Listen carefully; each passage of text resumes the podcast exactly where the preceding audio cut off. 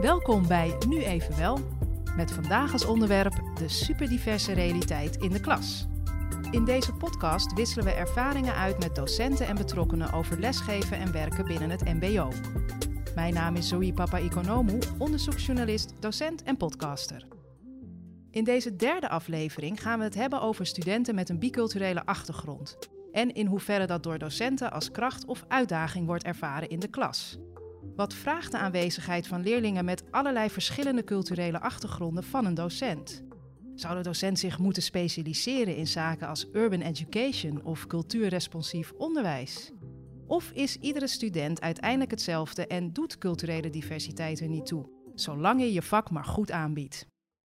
We gaan daarover praten met Ahmed Dikbash, docent burgerschap en projectleider bij Team Strategie bij Albeda in Rotterdam. Najiha El Hamouchi, docent pedagogiek en schoolopleider bij het ROC van Twente. En Mohamed Bouziane, socioloog bij Urban TQ en docent op de Hogeschool van Rotterdam. Nou, welkom allemaal. Dankjewel. Dankjewel. Dankjewel. Heel fijn dat jullie er zijn. Ehm, ja, de superdiverse realiteit. We leven in een superdiverse samenleving. Dat zien we natuurlijk vooral uh, uh, in de grote steden, waar natuurlijk heel veel uh, jonge en oudere mensen wonen met verschillende culturele achtergronden. Um, jij geeft les op het ROC van Twente. Er is soms wel eens een idee dat het vooral iets randstedelijks is. Hoe, hoe zit dat eigenlijk bij jou op school? Um, nou, bij ons is er ook wel diversiteit. Minder dan inderdaad in de Randstad. Ik heb zelf wat ik had aangegeven ook in Zaanstad gewerkt. Um, daar is het veel diverser, maar hier merk ik ook best wel veel diversiteit qua ook verschillende achtergronden. Dus wat Turks, Marokkaans, Pools, um, uh, Surinaams, mensen uit België. Ik heb een Fins meisje in de klas. Uh, dus dat zijn wel echt um, doelgroepen ook die worden ondergesneeuwd. En ja, daar, daar heb ik wel mee te maken. Ja, en, en als, hoe zie jij dat nou, zeg maar, wat, wat, wat die studenten die jij in de klas hebben, die dus ook een niet-Nederlandse afkomst mm -hmm. hebben, uh, hoe is dat voor hen, denk jij, in, in het onderwijssysteem? Ja, ik, volgens mij vinden ze het gewoon oké. Maar dat komt omdat, um, ik denk ook dat het aan de opleiding ligt. Ik geef zelf het vak pedagogiek, zoals ik aangaf. En bij mij moeten ze in leerjaar 1 al uh, de autobiografie schrijven. En dat op de socialisatiedagen aan elkaar presenteren. Waardoor ze al bekend met elkaar zijn. En bekend met elkaars achtergrond, opvoedstijlen. Um, dus voor mij binnen mijn klas um, is het oké. Maar wat er bij collega's gebeurt, uh, soms hoor ik wel verschillende geluiden. Dat ze wel zich nog wel anders bejegend voelen. Dus daar zit dan misschien toch wat afstand nog in? Ja. Hoe is dat bij jou aan met... Uh, jij werkt dus op het Albeda in, in Rotterdam-Zuid. Nou, daar is superdiversiteit, zoals ze dat noemen, de norm. Uh, hoe ervaar jij dat, zeg maar, met de kinderen... Met de kinderen, wat zeg ik nou? Studenten. studenten. Ja. Ik word zo oud dat ik kinderen ga noemen. Ja. Met de studenten bij jou in de klas. Nou ja, uh, wat je zelf net al uh, aangaf, is uh, ja, die superdiversiteit is de realiteit. ook bij Albeda, Rotterdam-Zuid, dus, de stad met ruim 206 nationaliteiten. Dus ja, het is gewoon, ja, wat ik eigenlijk zeg, de realiteit. En dat je daarmee, dat dat een kracht is. En de afspiegeling van de stad zie je ook terug in de klas. En ja, er zijn onderwijsprofessionals die daar wat meer moeite mee hebben. Uh, maar, maar, waar dan precies mee? Waar zit dat hem in? Nou ja, dat, is, uh, dat komt vaak... Je wordt op de op, leraaropleiding word je vaak opgeleid tot leraar voor een bepaald vak. Uh, maar dat stukje cultureel responsief lesgeven, hè, waar wat, wat essentieel is in de grote stad... Ja, die krijg je niet vaak mee bij de opleidingen. En dat ligt niet alleen bij de leraaropleidingen zelf... maar ook de lerarenopleiders, die zijn vaak niet de afspiegeling van de grootstedelijke realiteit. Dus ja, daar is een mismatch. Dus dat is nog altijd zo dat er dus veel docenten die grootstedelijke context dan ja. niet zo goed kennen. Ja, ja het, het is. Uh, het wordt wel aangeboden, maar vaak blijft het steken bij een bepaald vak of een verdwaalde mijner uh, op de hogescholen. En uh, that's it. Terwijl het zeg maar doorlopend zou moeten worden aangeboden, vind ik, bij alle leraaropleidingen. En moet geïntegreerd worden bij, nou ja, vrijwel alle vakken die worden uh, aangeboden bij een leraaropleiding. En dat is naar mijn mening heel breed, niet alleen bij de leraaropleiding maatschappijleer of geschiedenis, maar ook een leraaropleiding Frans, et cetera. Maar ook een PABO. En wat, wat, want daar ben ik nog wel nieuwsgierig, hè, even voor de luisteraar. Want wat, wat betekent dat dus als, als docenten daar dus niet zo heel goed in zijn of dat nog niet zo goed aanvullen. Wat kan dat wat voor gevolgen hebben dan voor de, de studenten? Nou ja, uh, je kent je studenten niet. En uh, ik denk dat dat uh, een van de behoeften of voorwaarden om tot leren te komen is dat stukje relatie. En dat begint toch bij je studenten kennen en ja, weten wat voor vlees je in de kuip hebt, om het zo te zeggen. En dus die diversiteit appreciëren en accepteren. maar goed, ook weten welke verschillende culturen er in de klas zijn. En dat is niet zozeer etnisch, maar ook welke seksuele voorkeur studenten hebben. Uh, wat voor, het gaat bij mij zelfs heel veel tot wat voor muziek luisteren ze. En dat, eh, ik zeg altijd, je hoeft dan niet je Spotify-lijst aan te passen, maar weet wat er speelt. En dat is de eerste, dat is eigenlijk de key, de sleutel om tot nou ja, een band op te bouwen met je student. Ja, Mohammed, ik zie je ook knikken. Jij bent natuurlijk ook socioloog en jij bent van Urban TQ.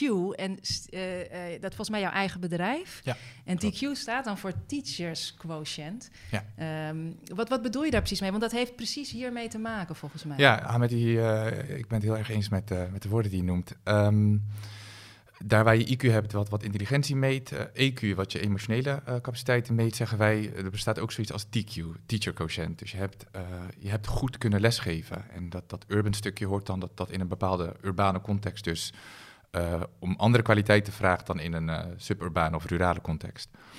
Um, maar als ik even mag inhaken op, op dat allereerste punt, hè, we hebben het over superdiversiteit. Um, maar waar, waar hebben wij het dan over? Hè, dus um, hebben we het dan over heel veel diversiteit. Um, en van, dat, het gaat verder dan dat volgens mij. En dat is precies wat jij net aankaart in dat laatste gedeelte van je, uh, van je uitleg over wat je voor mensen in de klas hebt, wat voor vlees in de kuip hebt. Um, want het is aan de ene kant die waaier aan culturen die toeneemt, maar aan de andere kant ook de, uh, hoe, dat, zeg maar, hoe die waaier of hoe die enkele cultuur eruit gaat zien. Daar waar je vroeger, als je dacht aan een Marokkaanse man of een Marokkaans-Nederlandse man, uh, 30 jaar geleden, hebben we allemaal in ons hoofd een iemand die. Wie hebben we dan in ons hoofd? Iemand die. Uh, Marokkaanse man. Ja. Uh, 30 jaar terug, 40 jaar terug. Denk ik gewoon aan een strenge man met een baard en een hoedje. Ja. Exact, een gastarbeider. Ja. En als we dat nu, uh, als we dat nu bekijken, dan heb je tegenover jullie zit een hipster, uh, ja. Marokkaan, zeg maar. en je hebt voetballers, komieken, hè, die, die, die waarde neemt al toe. Dus binnen diversiteit heb je ook te maken met nog meer diversiteit. En dat is wat, wat die twee componenten van superdiversiteit zijn. Dus zowel die waarde neemt toe als de inhoud van die diversiteit neemt toe. En dat zijn zaken waar je op klasniveau in die grote stad met name mee te maken gaat krijgen. Um, en dat is, ik snap precies welke uitdagingen, of uh, ja, je, je, je, snijdt dan die uitdagingen aan eigenlijk, waar, uh, waar, we mee te maken hebben. En dat is ook de reden waarom ik mag bestaan als, als trainer bij Urban TQ omdat... Want jij begeleidt docenten toch ook ja, in, in dus, hun uh, proces? Ja, we zitten nu in een vreemde tijd hè, rondom corona, omdat um, groepsdynamische uitdaging, uitdagingen voorheen best wel, uh, ja, dat, dat was soort van mijn bread and butter, om zo maar even te zeggen. Um, en dat verandert nu een beetje door dat online onderwijs. Um, maar je ziet dat thema's als uh, die, die, die, die samenstelling van die klas die verandert, dus die wordt steeds diverser in, in, in die zin, in de meest brede zin van het woord. Um, waardoor docenten ook minder makkelijk weten wat ze moeten doen. Dus het met het handen in het haar. Um, onder andere op het Albera zijn we bezig. Maar is het handelingsverlegenheid of is het gewoon, on, gewoon echt niet weten? Uh, vaak een combinatie van beide. Ja. ja. Um, of, of wel iets proberen, maar er niet uitkomen. Ja. dus, uh, en, en wij, wij nemen ze dan mee aan de hand en proberen dan te kijken van oké, okay, hoe doe je dat dan? Wat heb je in de klas zitten en hoe ga je daarmee om? Ja, en ik denk niet dat het hier de plek is om dat helemaal uit te gaan leggen. Nou, nee, ja, maar ik vind het namelijk wel interessant, want ik probeer het ook... Ik kan me voorstellen dat het, dat het het is zo moeilijk soms om concreet te maken. Waar zit het hem dan in? En ik las een mooi stuk van jou op LinkedIn, volgens mij wel van twee jaar geleden. Maar dat, ik was wel geraakt door een, een tweet, haal je aan. Nee, trouwens, het is helemaal geen tweet. Hoe kom ik daar nou bij? Nee, LinkedIn-post. Nee, het was een, nee, het was een LinkedIn-post. Maar uh, wat je aanhaalt is een uitspraak van een docent die jij volgens mij had begeleid. Die Um, die gewoon het gevoel heeft dat hij geen grip heeft op, op zijn klas. Maar terwijl jij hem zelf beschrijft als een docent die heel bevlogen aan de slag is met zijn, uh, met zijn uh, studenten. Ja. Dus, dus waar, zit die, waar zit die handelingsverlegenheid hem dan in? Wat lukt er dan precies niet? Het, aqua het heeft heel erg te maken met het aquarium-effect. Dus we hebben allemaal onze eigen klassen en we zien elkaar in die lerarenkamer, maar los daarvan zien we elkaar niet. He, dus we, we moeten het maar doen in onze eigen klasse en dan doe je. Um, deels heel veel mooie dingen. Maar ook een deel van uh, wat we wereldwijd ook zien, zeker door, door zeg maar, de, toename van sociale, sociale media, is um, je zet een bepaald karakter neer. Er dus bepaalde pijnen of bepaalde moeilijkheden, die benoem je niet. Of die, die schuif je uh, onder de tafel, onder het vloerkleed, omdat, je, omdat het een teken van zwakte is, bijvoorbeeld. Um, door dat met elkaar te delen, dus niet alleen zeg maar, in de eerste plaats de zwaktes, maar ook de kwaliteiten met elkaar te delen, er zit heel veel kapitaal in zo'n team. Ja. Dus ik, ik doe vaak teamgerichte aanpakken. Um, en als, je, als ik dan voor zo'n zo'n groep docenten zit, zit daar soms wel meer dan vijf, zes keer mijn leeftijd aan, aan ervaring. Zit daar in diezelfde ruimte. Waarom zou je daar geen gebruik van maken? Dus het gaat er, ja, en dan, dan, dan is het belangrijk dat we in de eerste plaats bewust worden van wat, wat doen we nu? Wat zijn we aan het doen? En kunnen we dat ook met elkaar delen? Dus vaak worden er hele mooie dingen gedaan, maar weten we niet, is dat niet... Ja, het wordt niet gedeeld met elkaar. Dit is heel herkenbaar. Ik heb zelf ook lang op een hogeschool dan gewerkt. En er wordt dus, iedereen is maar, je hebt je uren en dan moet je lesgeven. Je, is dat iets wat jullie ook herkennen, Najia? Ja, maar er is ook eh, soms disinteresse, heb ik soms het idee. Hoor. Dat ik denk van, ze zitten zo vol met zichzelf en waar ze zelf tegenaan lopen, dat, ze, dat mensen in hun eigen hoofd gaan werken en niet meer gaan delen. Dus als ze een rotles hebben gehad, dan komt er wel heel vaak, een, dan willen ze dat filteren, maar dan is dat vaak... Um, uh, zit daar heel veel emotie in. Dus je komt niet echt tot de kern. Wat is nou de aanleiding geweest van dat jouw les niet fijn is gelopen? En eigenlijk gaat het alleen maar over diegene troosten. In plaats van kijken naar wat is nou de aanleiding, wat ligt er nou onder. En hoe kunnen we er nou zorgen dat dit de volgende keer niet op deze manier gaat gebeuren. Um, en heel vaak als je de, ik ben dan bijvoorbeeld een uh, docent die heel veel dingen met studenten bespreekt. Dus als er iets in de klas gebeurt, bespreek ik het al met de studenten. Waardoor ik bijvoorbeeld bij mezelf al niet de noodzaak voel van, om het ook nog met een collega te delen. Omdat het al, inderdaad, in dat aquarium is al opgelost voor mij. Dus het is inderdaad afhankelijk van de collega. En het is ook soms een collega die ergens mee struggelt en via studenten hoort van, oh, dat is een toffe docent. Of, oh, bij die docent gaat het wel goed. Ja, dan kan diegene zich onzeker voelen van, nou, ik ga met jou, jou ga ik even uit de weg. Want ik loop er helemaal tegenaan. In plaats van dat ik denk van, nou, stel juist vragen. Uh, hoe pak je het aan? Wat, ja, wat kan je me tips geven? Maar dit, het, het, klinkt nu een beetje alsof het ook heel erg dan de verantwoordelijkheid is van een individuele docent of je dat contact met elkaar opzoekt. Of wordt het ook vanuit het team? Nou, het is, het is denk ik uh, zeker uh, in eerste instantie verantwoordelijkheid van de onderwijsprofessional zelf, dat hij dat uh, gewoon aankaart en ook durft. Maar net zoals wij in een klas een veilig leerklimaat moeten creëren, moet je dat ook in een team creëren. Ja. En vaak ontbreekt het daaraan. wat wij bijvoorbeeld bij Alba, bij, ik werk ook op het zorgcollege. Uh, bij de opleiding dienstverlening, is dat wij collega's bij elkaar, nou ja, gewoon soms lesbezoeken verrichten. Ja. En uh, dus we komen bij elkaar in de les en dan ontstaat er een open klimaat. En van de, vaak heb je in zo'n team heb je de docenten die al 30 jaar het vak geven. En dan heb je de jonkies. En vaak zit daar, uh, daar schuurt het meestal. Ja. dus wat wij, wat wij doen is, wij, bij ons hebben bijvoorbeeld alle klassen hebben twee SOB'ers, dus twee mentoren. Uh, wat wij proberen is een, uh, nou ja, een docent die al wat langer les geeft te koppelen aan een, uh, aan een jonger iemand. En zo, nou ja, de, hoe zeg je dat? Het lijkt meer op een soort first date. dat wij elkaar ja. meer leren kennen, maar ook dat we van elkaar leren. En bij zulke grote organisaties, zeker bij Albeda, met 13 colleges, 23.000 studenten, krijg je toch heel vaak dat eilandjescultuur. Dat is niet alleen op college niveau, maar dat kan zelfs in een team plaatsvinden. Dat moet je doorbreken, denk ik. Ja, ik kan het wederom wamen. Dus uh, ben ik redelijk op één lijn. Um, uh, die, die diversiteit, die, die, die, uh, die jagen wij toe. Of die, um, dat vinden we helemaal geweldig op klasniveau. Dat, daar, pleiten wij allemaal voor. Maar we zien dat we daar op teamniveau hebben we daar nog wat meer moeite mee. En uh, bijvoorbeeld, Najee, je hebt het net over hoe jij dat doet met, met ja. studenten. Nou, hoe mooi is het als dat gedeeld wordt? Dus als ja. dat soort van gedocumenteerd wordt op de een of andere manier. En gedeeld wordt voor andere collega's. Niet alleen om het over te kunnen nemen, maar ook om te snappen van, oh, dat Najia dat doet, dat is prima. En die doet dat op haar manier. Ik bereik hetzelfde, of ik bereik iets soortgelijks op mijn manier. Ja. Maar wat, wat besluiten we dan met elkaar om te bereiken? Maar dat is wat uh, Ahmed net ook zei. Vind het moet gefaciliteerd worden door, te, door de mensen zelf. Dus het personeel moeten doen. Maar eigenlijk, weet je, voor studenten, want dat kwam net bij me op. Wij verplichten intervisie voor studenten. Zij moeten met gedachten bij elkaar wisselen, van elkaar met, met elkaar kunnen meedenken, kritische vragen kunnen stellen. Um, maar het, bij ons in het team wordt het in ieder geval niet uh, aangeboden. Dus eigenlijk is er ook vanuit het management een verantwoordelijkheid als ik dit zo, als ik zo naar, naar jou luister. Um, bij ons wordt ook, wij krijgen taakuren waarin wordt meegenomen dat je bij een collega op lesbezoek moet. En ik werk daar nu drie jaar. Er is nog nooit iemand bij mij op lesbezoek geweest. En idem dito, ik ben bij niemand op lesbezoek geweest. Omdat er ook een drempel is van, om dat te vragen, om dat bij elkaar te doen. Uh, je krijgt er wel uren voor, maar het moet ook um, normaal worden. Het moet ook gefaciliteerd worden. Van, oké, okay, kijk eens even in je rooster. Iedereen um, wordt op dat moment... Er worden vier docenten op maandagochtend uitgeroosterd... en vier docenten wel ingeroosterd... zodat er niet ingeroosterde een lesbezoek kunnen plaatsen. En wat wel, wat wel belangrijk uh, daar is, daarbij is dat het geen soort van angstcultuur moet creëren bij collega's. Oké, okay, oh, ja. uh, Ahmed en Fiona die, uh, die zijn hè, redelijk jong en die komen net van de opleiding. Die gaan op controle uit. Want zo'n effect kan je ook ja. creëren. En daar moet je denk ik wel voor waken binnen zo'n Dus het moet eigenlijk voorgestructureerd worden. Ja, en Dat, dat ook een collega die 40 jaar lesgeeft bij mij ook ja. komt. Maar ook dat ik daar dan van open sta, zodat ik geen verkeerd beeld geef van... oké, ik mag bij jou, maar jij mag niet ja. denk ik. Maar er zijn meerdere uitdagingen, dus zowel op, op, uh, op logistiek vlak in jouw geval dan... maar ook in, op, op cultuur, de teamcultuur en de, de, de aard van het beroep. Je bent ook gewend om alles in je eentje te doen. En nu ineens gaan we de klassen openstellen en van elkaar leren, met elkaar leren. Waarin je dan, en dat zie je ook in de opleidingen terug... Uh, dat beginnende docenten wat meer openstaan en omdat zij ook zo worden opgeleid... Uh, vandaar ook denk ik, hè, ben ik het ook eens dat je die kloof ziet tussen, tussen nieuw en oud. Um, maar om even weer een brug te slaan met, met het thema diversiteit en dan groter aangepakt dan even, uh, komen je voorouders uit Marokko of Turkije of Suriname.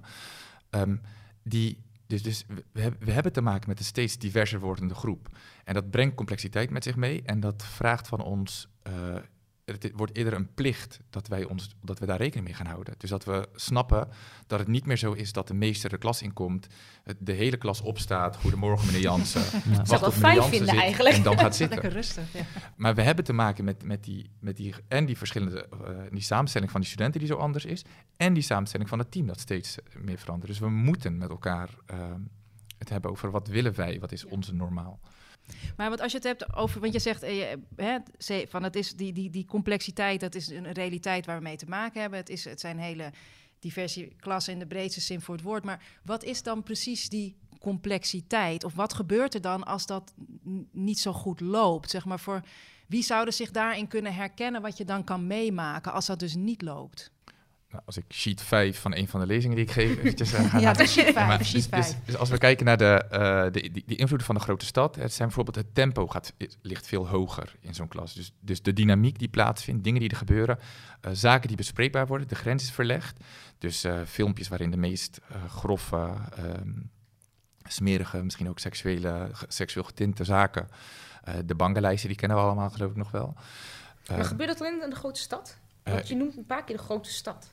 Nou ja, het zijn, zeg maar, de sociale media laten heel veel toe dat, dat heel veel gedrag overgeërfd kan mhm. worden. Maar ik denk wel dat dat, dat tempo. Dat ontstaat daar en het. het verspreidt zich naar de periferie. Ja. Ik bedoel, daar krijg ik ook mee te maken. Ja, dus, snap ik. Ja.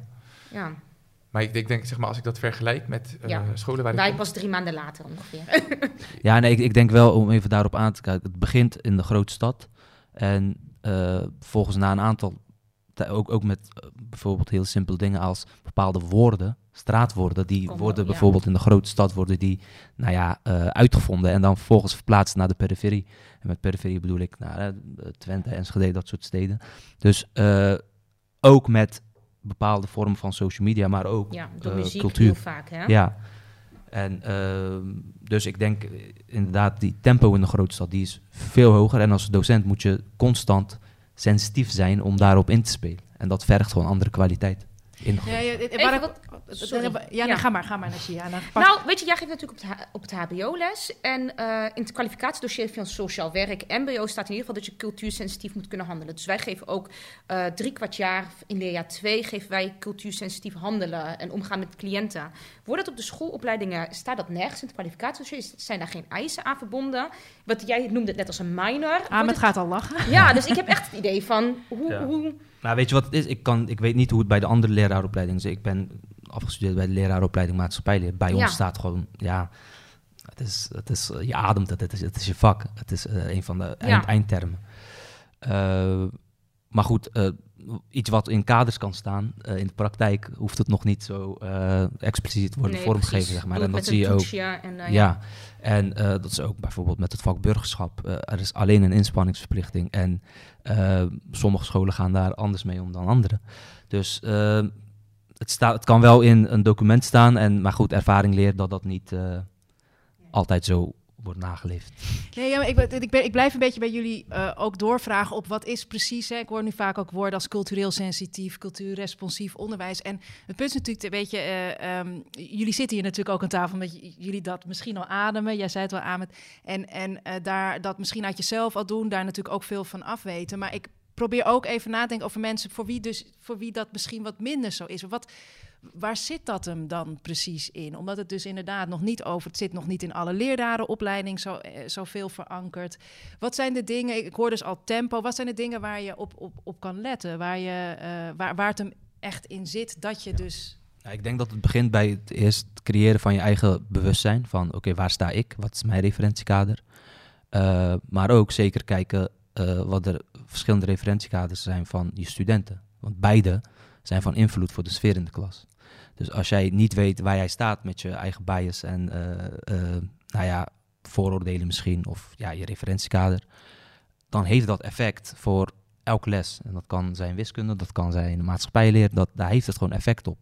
En dat zien we ook nu bijvoorbeeld met uh, omgaan met uh, lastige gesprekken. Is dat vaak dat stukje relatie, dat is niet optimaal vormgegeven. Uh, er is geen veilige leerklimaat. En dat komt vaak omdat ja, onbekend maakt om moment. Dus je weet niet wat er in je klas speelt. En dat is denk ik als onderwijsprofessional, zeker als pedagoog, een van de voorwaarden om überhaupt nou ja, les te geven, vind ik. Ja, ik vind dat wel een, een nuance vereisen. Um, ik was, uh, ik denk begin september of zoiets, was in de Arminiuskerk een digitale bijeenkomst met uh, Ismail Azanay, uh, oud-leerling van, oud-docent van het jaar. En um, ik struikelde een beetje over wat daar werd gezegd of hoe dat werd besproken. Want we hebben nu het idee dat er een soort van de mal van de goede leraar in zo'n diverse. Hè, want ik wil, niet, ik wil het niet een cultureel sensitief, maar divers sensitief noemen. Want ik vind ook dat we ja. rekening moeten houden met uh, mensen met een beperking, met uh, anders. Wordt zo snel etni op etniciteit ja. gefocust. Ja. Dat doe wij zelf ook hoor. Maar uh, er wordt een soort van hipheid verondersteld wat je nodig hebt om les te kunnen geven. Hè? Dus die, die, die spreekwoordelijke arm om de, om de student en ik sta naast jou en met jou. En en dan disqualificeer je best wel een grote groep mensen. Wit, ouder, uh, man, hè, mensen die wat. Um, terwijl dat best wel een groot deel is van ons uh, lerarenbestand. En ook zij, zie ik in de praktijk, uh, kunnen dat op hun manier. Op een vorm van, ik heb bijvoorbeeld prachtige mentorachtige rollen zien innemen. Uh, of uh, docenten die gebruik maken van een voetbalopstelling in de klas. Van hé, hey, je speelt nu als libero, ik wil even dat je hier in de verdediging gaat zitten. Die dat dan begrijpen. Dus het is, uh, ja, ik ben het met je eens. Hè. Je moet zeg maar vanuit die relatie werken. Maar die relatie betekent niet altijd ernaast staan, de arm eromheen, een luisterend oor bieden. En zoals we dat eigenlijk in het onderwijs met de paplepel erin hebben gegoten gekregen. Maar is niet, want ik bedoel in die zin, hè, ik zei dat in de intro, van hè, het, kijk gaat het er niet dan uiteindelijk vooral omdat je je vak goed overbrengt? Maar is het misschien niet wel zo van, als ik jou hoor, is het ook van je hoeft dus ook niet je dingen te gaan aanmeten of je anders te gaan voordoen. Maar als ik dat dan leg naast wat Ahmed zegt, je moet wel je bewust zijn van wie jij bent en welke ideeën je hebt. Want je hebt natuurlijk ook best wel als docent, toch, of je het nou wil of niet, maar je bent snel ook een rolmodel of je hebt een voorbeeldfunctie, toch? Ja, maar die, um, als je de praktijk straks inkomt als, als jong professional, of als je, af, als je klaar bent met studeren, um, krijg je te maken met allerlei verschillende soorten professionals in, in, in leidinggevende functies. Um, en je kan, hè, het, is, het is fijn om iemand te hebben die op jou lijkt, maar het hoeft niet per se, te, maar er zijn ook, er mag meer zijn dan dat, zeg maar. Dus het is goed dat, dat, dat ook die uh, docentenpopulatie steeds meer divers wordt, in de meest brede zin van het woord. Um, maar dat betekent niet dat, dat die groep die voorheen deel uitmaakte van... Dat zij het niet goed deden. Precies, of ja. dat zij geen plek meer hebben daar. Want ook zij mogen er zijn. Ja. En um, hè, het klinkt misschien een beetje tegenstrijdig dat, dat, dat ik dit zo zeg, maar um, ik heb het idee dat, dat zij nu een beetje opzij worden geschoven, omdat wij het idee hebben van, hé, hey, er moet meer kleur in. Letterlijk en figuurlijk. en, en zo breek je het gesprek af. En ik denk dat dat gesprek juist nodig is. En dat je juist moet kijken naar waar ligt de kwaliteit bij. Nee, maar als je het bijvoorbeeld over uh, hebt over uh, inclusiviteit, is dat niet alleen meer kleur, maar ook gewoon iedereen erbij betrekt. Ja. En dat is dus een grote uitdaging, dat je uh, echt iedereen erbij betrekt. Vaak wordt dit soort thema's, diversiteit en inclusie, dat is een projectje daar, een poppetje daar. Terwijl dat eigenlijk een eh, organisatiecultuur moet zijn. En je van je facilitaire medewerkers tot aan eh, je docenten, tot aan het college van bestuur, dat zou moeten ademen. En dan denk ik dat je eh, inderdaad dit soort dingen, wat jij net benoemt, niet, ja, niet tegenkomt. Dus dat je één groep uitsluit. En je zegt, ze zeggen- ze zeggen ook, nou ja, als je aan inclusiviteit doet, dan automatisch doe je ook aan exclusiviteit, want je sluit. Nou, maar dat hoeft niet. Nee, dat En dat niet. is, dat, is wel, dat is wel heel moeilijk, maar ik denk wel dat daar. eh, Maar je dat moet, maar je moet wel met je, oh, sorry, Nee, nee, ja, je moet maar. met je tijd Ja. meegaan, sowieso als docent. Weet je, want ik heb dat zelf, ik heb bijvoorbeeld op een gegeven moment, dat was dan een middelbare school, maar toen gaf ik zelf zeg maar vers- eh, lessen mediawijsheid aan elke derde klas. En die school had acht der- derde klassen. En dan zie je dus ook heel veel verschillende, dat waren docenten en mentoren dan van die klassen in actie. En je ziet soms wel echt eh, de, de onmacht letterlijk bij sommige docenten, bij één docent uit te zeggen, die was alleen maar woedend woedend. Eh, en, en, en dat was voor niemand. Voor hem, ik dacht, die man die gaat in een burn-out. Dat zie je gewoon bijna gebeuren. Ja. En voor die, die leerlingen was het natuurlijk ook verschrikkelijk. Dus ik bedoel. Ja, eh, je moet iedereen natuurlijk, iedereen heeft plek. Ik geloof het ook erg, er is ruimte voor iedereen, maar er is, niet iedereen gaat even goed met de tijd mee Nee. misschien. Maar eigenlijk is dat dus de norm dan een beetje. Dus je moet bewust zijn van jezelf, van je eigen referentiekader. En openstaan voor de verandering om jou heen. En daar dus ook op durven reflecteren. Want dat doet iets met jou. Dat, dat er iets om jou heen verandert. Dat jij mee moet gaan in die verandering. Of misschien wel niet en je er tegen moet verzetten. Eh, wat, is je, wat, wat wil jij dat jouw aandeel daarin is? En moet je daar überhaupt een aandeel in hebben? En op het moment dat je jezelf die vraag gaat afstellen, dat je dan ook beter in staat bent om naar je eigen handelen te kijken. En eh, wat de omgeving ook van jou vraagt daarin als docent. Ehm, dat is wel dat ik. Die trein dendert door. ja, Dus of je stapt in op het juiste station. precies. Of je blijft achter. Dat is wel de realiteit.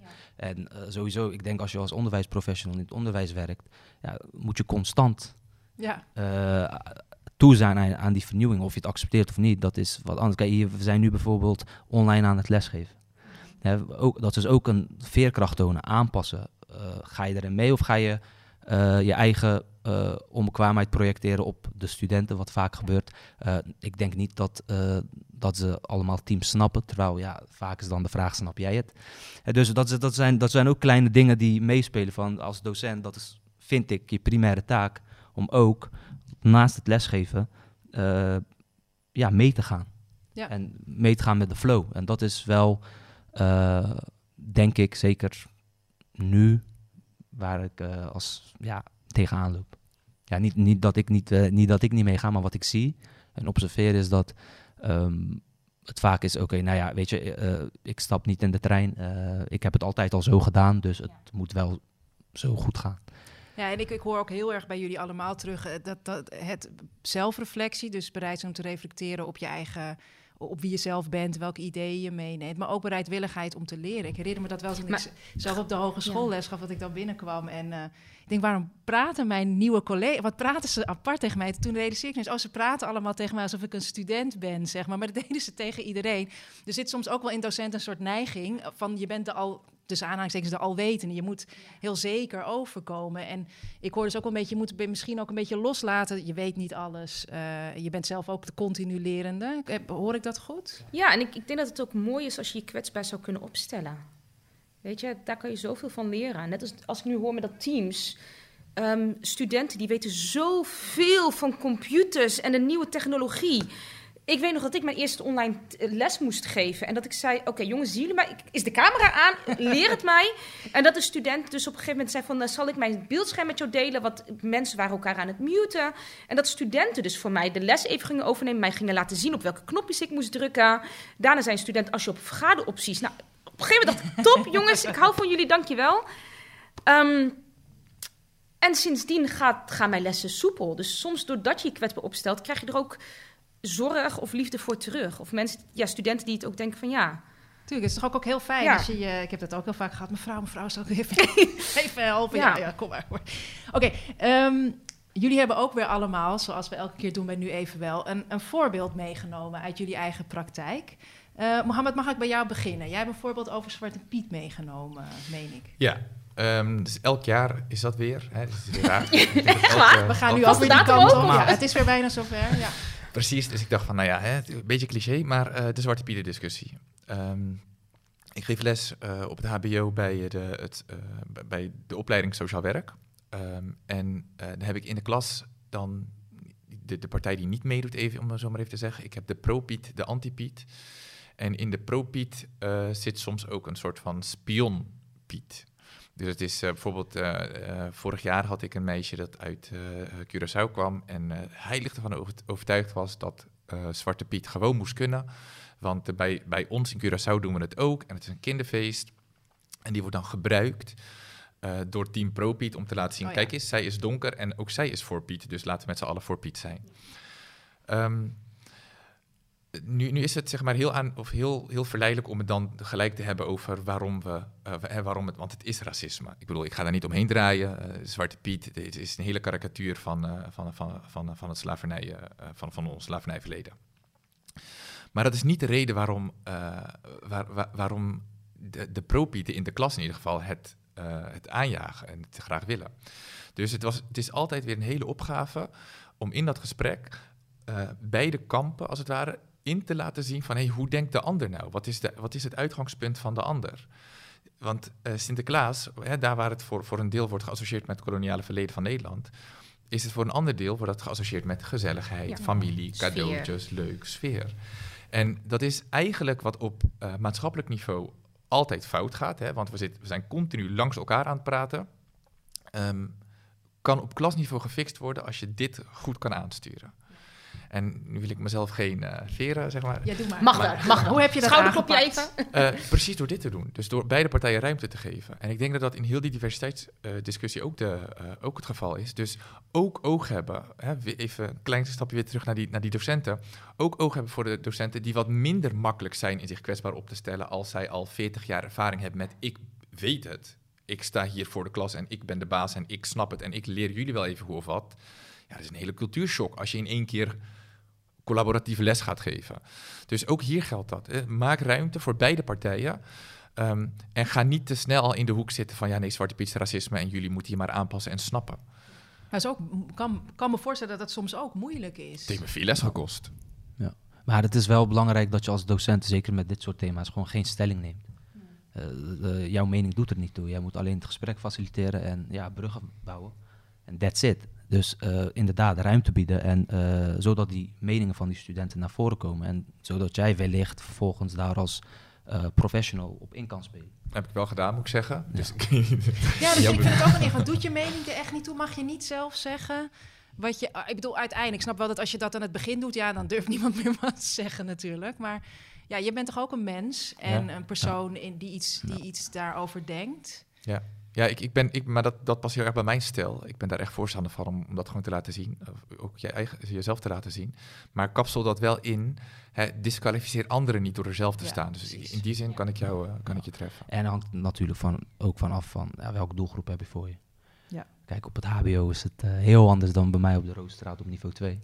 Dus dat is, dat, die, die, dynamiek is ook anders. Je hebt het MBO ook les gegeven? Uh, en dan heb ik hetzelfde gedaan. Ja? Ja. Nou, mooi. Uh, Najia, want ik ga even naar jou, want jij hebt ook een, een, een voorbeeld meegenomen de, dat met Zwarte Piet uh, te maken heeft. Ja, en ik zit dus wel op het mbo en ik vind dus wel dat ze niet heel genuanceerd elkaar kunnen aanspreken. Dus um, bij mij, ik, ik um, de discussie is de les voor mij al begonnen. Dus bij mij ging het verder. Dus de docent die had zoiets van leuk, prima, uh, ik, uh, mijn les zit erop. En toen kwam ik binnen, had, was er heel veel spanning. Dus ik wat gebeurt hier? Uh, kunnen we het erover hebben? Um, maar het was al zo geëscaleerd dat, bepaalde, dat het dus inderdaad niet meer ging over uh, waarom vind jij dat het uh, racisme is of waarom vind jij dat het voor gezelligheid staat. Dus het ging daar niet meer over, maar het ging echt op de persoon. Van jij neemt onze tradities af en waarom ben je dan naar Nederland gekomen? Dus het was heel hard.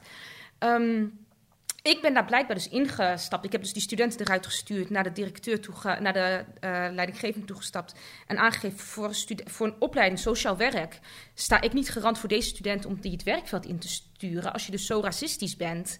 En die studenten hebben dus ook het gesprek gehad met mijn leidinggevende. Um, toen kwam ik terug, maar er waren dus heel veel studenten ook gewoon in shock, omdat ik dus echt wel heel stellig heb gereageerd daarop. En dat had ik me niet, um, daar stond, was ik me niet bewust van. Dus er waren ook heel veel studenten die uh, ja, even niet divers zijn. Even zo gewoon ehm, vanuit een heel liefdelijk huis komen waar niet geschreeuwd wordt, waar ehm, heel normaal met elkaar wordt gecommuniceerd. Die waren echt in shock van. Er wordt geschreeuwd, zowel door studenten, door de docent. Ehm, die, die waren bang, is misschien een groot woord, maar die waren wel zoiets zo van: oh, dit overvalt me, dit komt bij me binnen in mijn emotie. En tot gisteren, want ik heb gisteren dus, dus dit pas dit uh, moment nabesproken met mijn studenten. Um, dat studenten pas gisteren hebben aangegeven, dus een jaar geleden, wat dit met ze heeft gedaan. Um, en dat ze zich daardoor een stukje onveilig voelden. Dat ik ook bij mezelf dacht van eigenlijk had ik hier vorig jaar veel bewuster voor moeten zijn. En adequaat op moeten reageren. En ook mijn excuses moeten aanbieden dat ik mijn stem heb verheft. Dat ik um, zo stelling heb genomen tegen racisme in de klas. Maar dat bood gisteren dus wel weer een heel mooi gesprek. En dat studenten ook zoiets hadden van... ja, maar weet je mevrouw, je staat wel voor rechtvaardigheid. Dat ik dacht, nou ook fijn dat je wel de andere kant daarvan ziet. Maar dat kan ook, is toch ook wel heel menselijk als docent... dat je soms even, nou ja... Maar wat zou je nu, want je zegt je zou het misschien eerder besproken hebben met ze. Ja, nou, ik, ik, ik ben wel dus inderdaad voorstander van, van dingen bespreken. Van er is iets gebeurd, maar die dag was het dus zo geëscaleerd. En ik zat zelf al niet lekker in mijn vel binnen het team. Want wij vieren Sinterklaas op school. Waarbij collega's dus inderdaad gewoon ehm, pro zijn of anti zijn. Ik ben dus een van de anti. Want ik zeg, ja, het kan toch ook met swing. Hij komt uit de schoorsteen, die we toch al bijna niet meer hebben in Nederland. Dus is het dan noodzakelijk om het zo zwart en die dikke lippen schuurt? Weet je, waar komen al die karakteristieken dit vandaan? Is, dit, dit, is dus het verschil van de grootstad. Ja. En, uh, bij jullie is het geen discussie meer binnen een docententeam? Nee, bij ons, sterker nog, wij, wij uh, hebben dit jaar geen viering.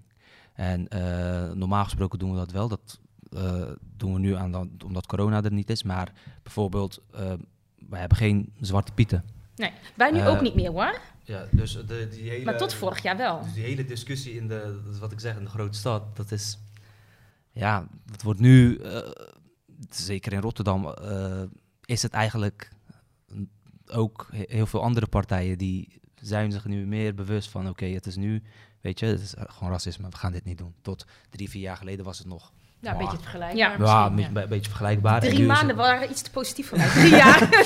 en uh, weet je, dus ook dat is weer, uh, dan zie je het verschil. Ja. Uh, ja, dat, dat eigenlijk is het, ja. het verschil. Ja. ja. nee, mooi. Nee, ik, ja, Ahmed, ja, ik wil naar jou, want jij, hebt een, uh, jij had een voorbeeld meegenomen over een oudergesprek, toch? Ja, en dat is, uh, ik, had, ik kan ook een voorbeeld geven met zo'n uh, lastig thema, of hoe, ik dat, ja, hoe dat leid in, in zo'n klas. Maar zo'n oudergesprek, ja, dat, was, dat weet ik nog goed. Toen was op het MBO, mijn eerste jaar bij Albeda. nou ja, een student, nou ja, problematiek, oudergesprek, is nog 18, nou, vader, moeder naar school, maar Marokkaans student. Vader uh, regime, moeder regime. Uh, maar goed, die waren heel boos op mij. Want nou ja, je weet uh, vaak hoe dat gaat. De student zegt, nou, hij doet dit niet, hij doet dat niet, hij doet dat niet. Vader wordt helemaal... maar stap zeggen we dan. Ja. die wordt helemaal... die wordt dan, oké, okay, wie, wie is dat, wie is dat? Oké, okay, ja. aan de telefoon ook. Oké, okay, ik, ik voel aan, dit gaat... hij komt naar school, dit kan wellicht verkeerd gaan aflopen. Dus ja, de man komt, uh, moeder komt. Uh, dus op een gegeven moment, ik stond bij de deur en uh, ik, gaf, ik gaf het vader een hand. Salam alaikum, alaikum salam. Zoom. Ja. Hij gaat naar binnen, moeder komt, dat deed ik zo. En, oh, ja, je doet nu je hand op je hart, ja, even voor de ja, luisteraar. Even, hand op mijn hart, dus dat was... dat is eigenlijk wat ik probeer aan te geven van wees bewust van die culturele verschillen die er zijn. Want zoiets kleins kan bijvoorbeeld voor zijn oudergesprek heel veel effect hebben. Dus uh, dat was eigenlijk een soort van de-escalatiemethode. En ja, gewoon het oude gesprek aangegaan. En vervolgens uh, had vader daar begrip voor waarom uh, studenten, nou ja, werd geschorst en heel veel dingen moest inhalen, et cetera. Dus dat is dat culturele sensitiviteit, wat ik eigenlijk probeer te zeggen. Je hoeft het niet, weet je, zulke kleine codes. Hoe zou je dat, tot... stel je voor dat je, dat je Bart zou zijn. Hè? Ja. Even, hoe zou je dat dan hebben? Want hoe zou je een, een, ja. een, zo'n collega bijvoorbeeld advies geven hierin? Um, een collega uit Bart? Of? Ja, die, die, ik, ik een docent voor, in het ja. oudergesprek. Ja. Zou, zou je dan ook met uh, salam alaikum bijvoorbeeld groeten? Of als je een Joodse man tegenkomt, zou je dan zeggen shalom? Jawel. Ik wel, ja. Ja? Maar dat is, weet je, dat is diversiteit in de breedste zin. Wees daar gewoon bewust van. En dat is, in de grote stad is dat gewoon, ja, hoor je dat gewoon te doen, vind ik. Weet je, wat, wat maakt het dan? Oké, okay, we zijn een Nederlandse onderwijsinstelling. Uh, kan je dat wel zeggen? Uh, mag dat wel? Of zeggen we gewoon goeiedag. Weet je, ik vind dat, dat soort dingen moet je, moet je gewoon is doorbreken, de denk ik. norm toch? In Ja, hoe doe je dat in dus de klas met studenten? Komen studenten wel eens binnen bij jou met salam alaikum? Of, ehm, Ja, dan zeg ik alaikum salam. ja, toch? Oké. Ja. Ja. ik dus vertaal het- het wel altijd voor, Ja, de, an- voor ja. de rest. Ik heb ook, eh, bij mij wordt het gewoon, eh, kijk, ik, ik geef les bij de opleiding dienstverlening, dus Ja. voornamelijk alleen maar vrouwelijke Ja. studenten. Eh, super divers, tienermoeders. Dus die dynamiek is ook heel, heel anders. Dus ik probeer me ook vooral de rol van broer, vader aan te nemen. En dat, ja, dat zijn gewoon hele, hele gezellige klassen. En eh, Maar als je dat niet doet, dus je hebt, zeg maar, het is een rol die je aanneemt, hè? dus de, de rol van broer, coach. Even als ik jullie Mhm. zie, denk ik dat we een beetje hetzelfde archetype zijn daarin. Ehm, maar er zijn ook andere rollen, succesvolle rollen die je kunt aannemen als docent, die werken. Hè? Zoals een beetje wat oudere, die, de mentor of een beetje de moederrol hè? van Ja. zo'n zo'n warrige uh, didacticus. Kunstjuf, maar moet het ook bij je maar. persoonlijkheid passen? Warrige kunst. Eh, nee, vooral, vol- volgens mij is dat juist het belangrijkste. Dus dat, dat het authentiek blijft. Dus dat je geen copy-paste gedrag hebt.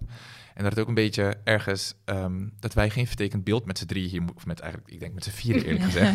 Je moet er neerzetten van... hé, hey, dat is goed onderwijs. Nee. Als je naast je studenten staat en lekker eh, hand... Nee, Nee, maar dat is- dat is geeft een voorbeeld van Ja. hoe hij het aanpakt. En ik denk wel, wat ik, wat ik er zelf mooi aan vind, is dat je... ehm, in dit geval gaat het ook om het eh, respecteren van een ouder die binnenkomt. En een situatie de-escaleren. Want Ja. dat zit er Juist, natuurlijk ook ja. achter. En ik ben dus benieuwd naar die... eh, dat doe je dus door vanuit zeg maar, jouw rol of wie jij bent... Hè, tegemoet te komen in Ja. dienstcultuur. Ja. Maar hoe zou je dat bijvoorbeeld kunnen doen vanuit een... ehm, vanuit een soort van... Zeg van, je bent een oude witte man, even Ja. gechargeerd. Dan mag die niet... eh Ik ben benieuwd of je dat hetzelfde zou doen. Zo? Kan dat?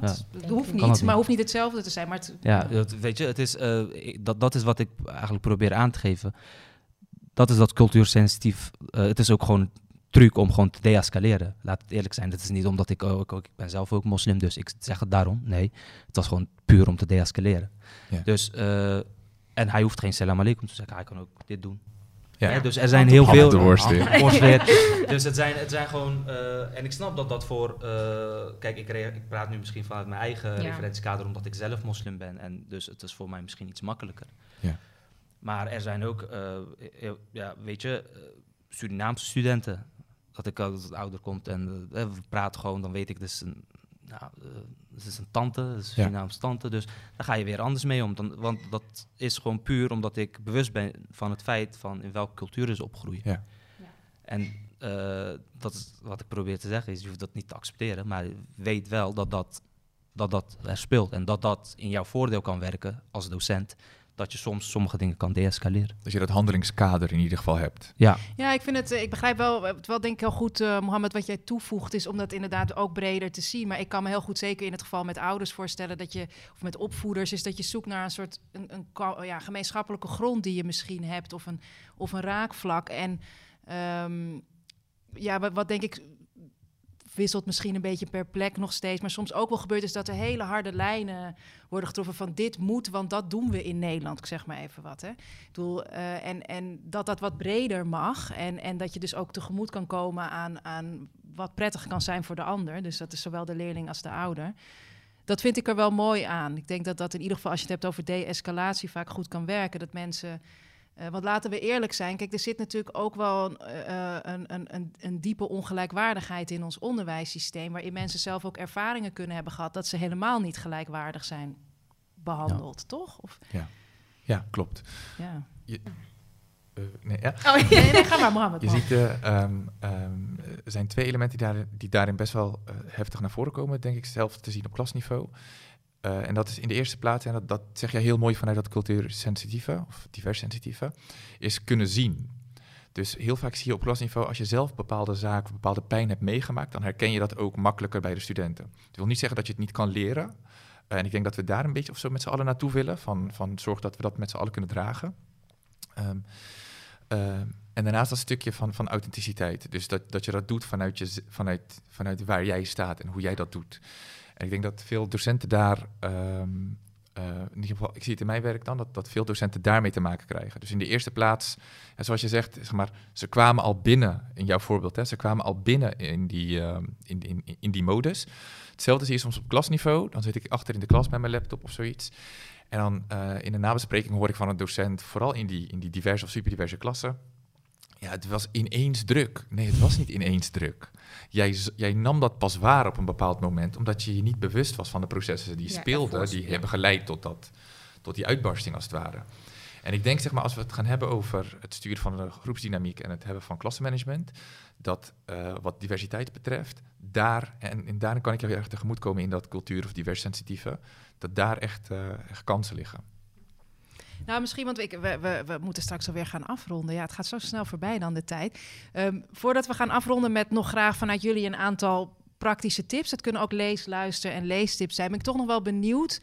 Ehm, want ja, eh, we nemen deze podcast op toch een aantal weken eh, eh, na de, de verschrikkelijke moord op Samuel Paty in Frankrijk. Nou, daar is heel veel over gezegd, geschreven en gedaan. Het is natuurlijk een hele heftige situatie. Maar ehm, waar het in ieder geval aan raakt, is natuurlijk het voeren van, van, de, van moeilijke gesprekken in een, in een eh, klas. En ik wilde eigenlijk vanuit die insteek aan jullie vragen: wat voor tips zouden jullie, want dat is natuurlijk heel erg belangrijk. Ehm, omdat we in zo'n superdiverse samenleving leven, waar doordat ook alles online heel snel gaat, alles gaat in een razend tempo voor. Jouw vergelijking met de trein was prachtig aan met eerder.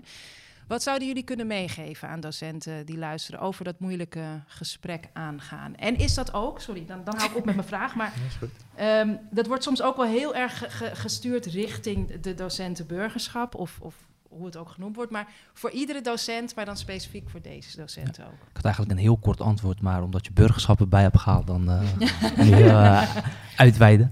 Eh, nou ja, handvat, ik eh, blijf het gesprek gewoon voeren. En dat, eh, dat is soms lastig, maar dat is wel, eh, vaak wordt dat ook weggezet. Ah, gesprek voeren, gesprek voeren, we praten al jaren, maar eh, volgens mij zegt eh, Alil dat ook. Op het moment dat de emoties het hoogst zitten, is het juist het voeren van zo'n gesprek het moeilijkst. Ja. En ehm, gebied, wat Mohammed zei, biedt studenten de ruimte dat, zodat die perspectieven en denkbeelden naar buiten komen. En daarbij is essentieel het veilige leerklimaat. En dat, dat, daar kan je niet genoeg op hameren. En dat begint op de eerste schooldag na de zomervakantie. Zit op die relatie. Want ik kan mij niet eh, ja, voorstellen om een gesprek op een bepaald thema, gevoelig thema te bespreken als ik eh, geen relatie of een band heb met mijn studenten. Dat is eh, ja, een no-go. En zoek de gemene delers op. Hè. Dus soms heb je in een klas bijvoorbeeld een student die wordt uitgesloten vanwege zijn religie. Je hebt een andere student die wordt uitgesloten vanwege zijn seksuele voorkeur. Maar die zijn op, op een bepaald onderwerp zijn ze tegen elkaar. Maar ze hebben één ding gemeen. Ze worden beide uitgesloten door de Ja. maatschappij. Dus zoek ook die gemene delers op eh, en faciliteer het gesprek. Dat is denk ik wat je het beste kan doen. Dankjewel. En toen jij net het over Halil had, dan bedoel je eh, Halil Karaslaan, die eh, ook betrokken is bij deze podcast als podcastmaker. Eh Najia, Ja, ik sluit me aan bij Ahmed. Ehm, inderdaad, de veiligheid en vooral veroordeel de antwoord niet, maar vraag door op de antwoorden. Zoals je bewust bent van je eigen referentiekader, eh, probeer het referentiekader van je student te begrijpen. En vooral wat ik mee wil geven, wees je bewust van je signalerende functie. Ehm, eh, kap antwoorden niet af, maar vraag juist erop door om te weten van waar komen antwoorden, waar komen meningen vandaan. En als het nodig is, ga met zo'n student individueel in gesprek. Want je hoeft hem ook niet in de klas te framen als zijnde jouw antwoorden zijn zus of jouw antwoorden zijn zo. En inderdaad, als, doe dat op basis van relatie. Van je mag er zijn, ehm, ik wil je begrijpen, eh, je kan je veilig bij me voelen. Ehm, maar neem mij mee in jouw wereld. En ik denk op het moment dat je dat gevoel aan de student geeft, dat de student dan ook ehm, zich open kan stellen en kwetsbaar kan opstellen. Want je weet niet wat iemand heeft meegemaakt in het verleden, wat eh, zijn of haar ehm, drijfveer is. En ik denk als je dat als docent weet te bereiken, eh, dat je daardoor ook moeilijke gesprekken kunt voeren. dankjewel. Ja, ik denk dat al heel veel heel, heel mooie dingen zijn gezegd hoor. Ehm, ik wil het samenvatten als eh, ruimte is denk ik heel belangrijk. En om die ruimte te creëren is veiligheid is een middel. Hè. Het is, hoe meer veiligheid er is, hoe meer je ook op zoek kunt gaan naar welke ruimte er is om dat gesprek te voeren. Ehm, maar dat zou je bijvoorbeeld ook kunnen doen door ehm, eh, gevoel en, en, en, eh, en feiten even los van elkaar te, te- hè, ook als oefening voor de studenten. Jongens, laten we eventjes even dat gevoel los. Laten we even kijken, wat is er nou feitelijk gebeurd? Welke grondrechten zijn? eh, En wat je dan krijgt, wat is een feit? Nou ja, goed, Ja, hè, dat is dan het Wie bepaalt, is- eh, wie bepaalt welk feit een feit is? Dat, Ja. dat is dat gesprek altijd wat dan, eh, weet je, en vaak studenten, eh, hun mening is een feit.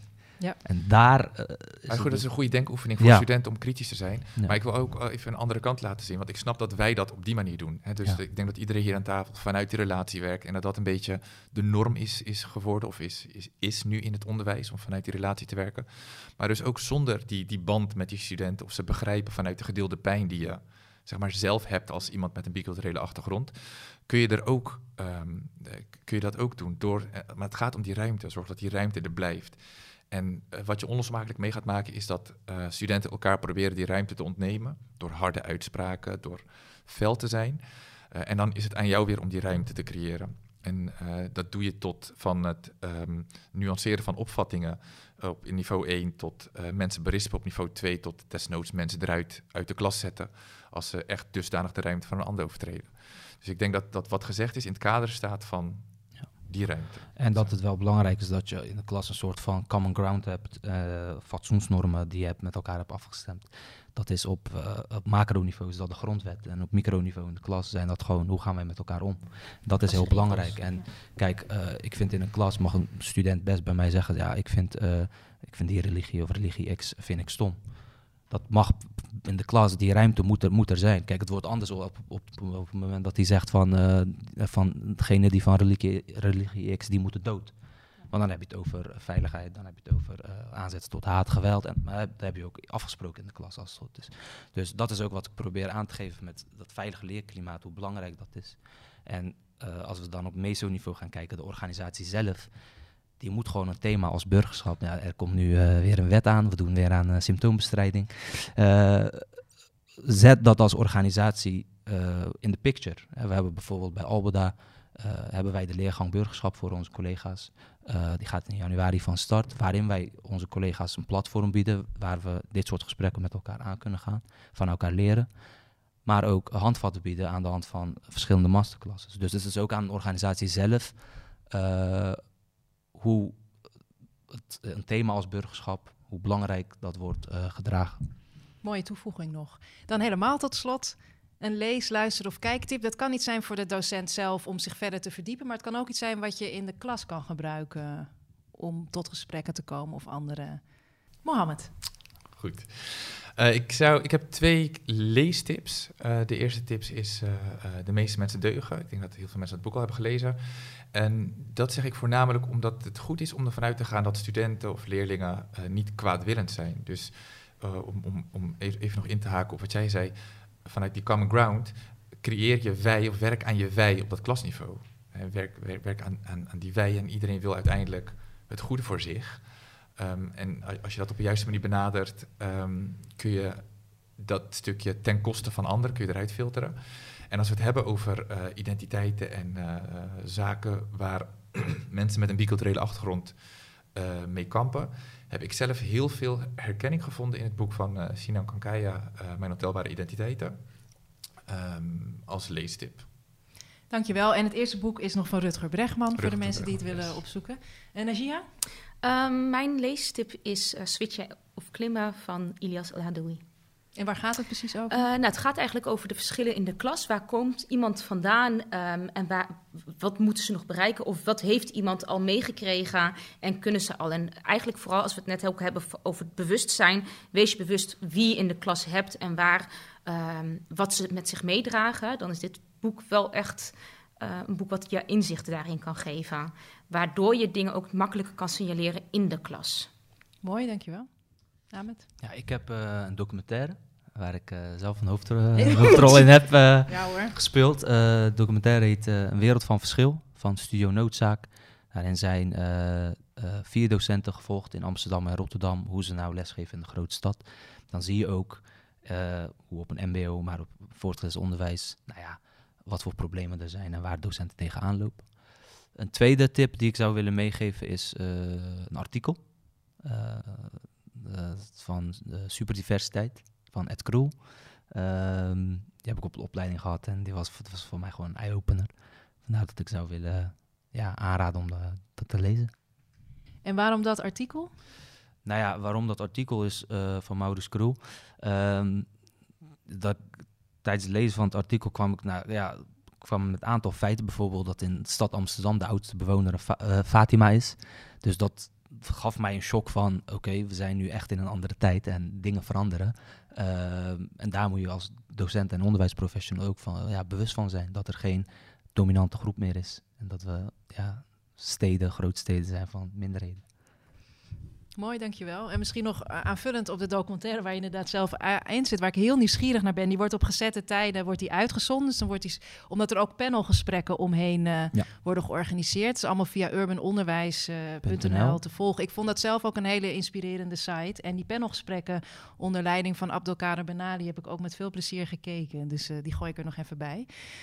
Mohammed Ahmed en Najiha, ontzettend bedankt voor jullie tijd en wijsheid en jullie openheid, vooral ook in het delen van ervaringen. Um, dit was de derde aflevering van Nu Even Wel, de superdiverse realiteit in de klas. Nu Even Wel is een podcastreeks over diversiteit in het MBO. Dank voor het luisteren ook naar deze derde aflevering. Wil je op de hoogte blijven over de ontwikkelingen van deze podcast? Kijk dan op burgerschapmbo.nl/slash podcast. Abonneer je op de nieuwsbrief of via je favoriete podcast-app. En vergeet natuurlijk niet je collega's te tippen. Tot de volgende keer.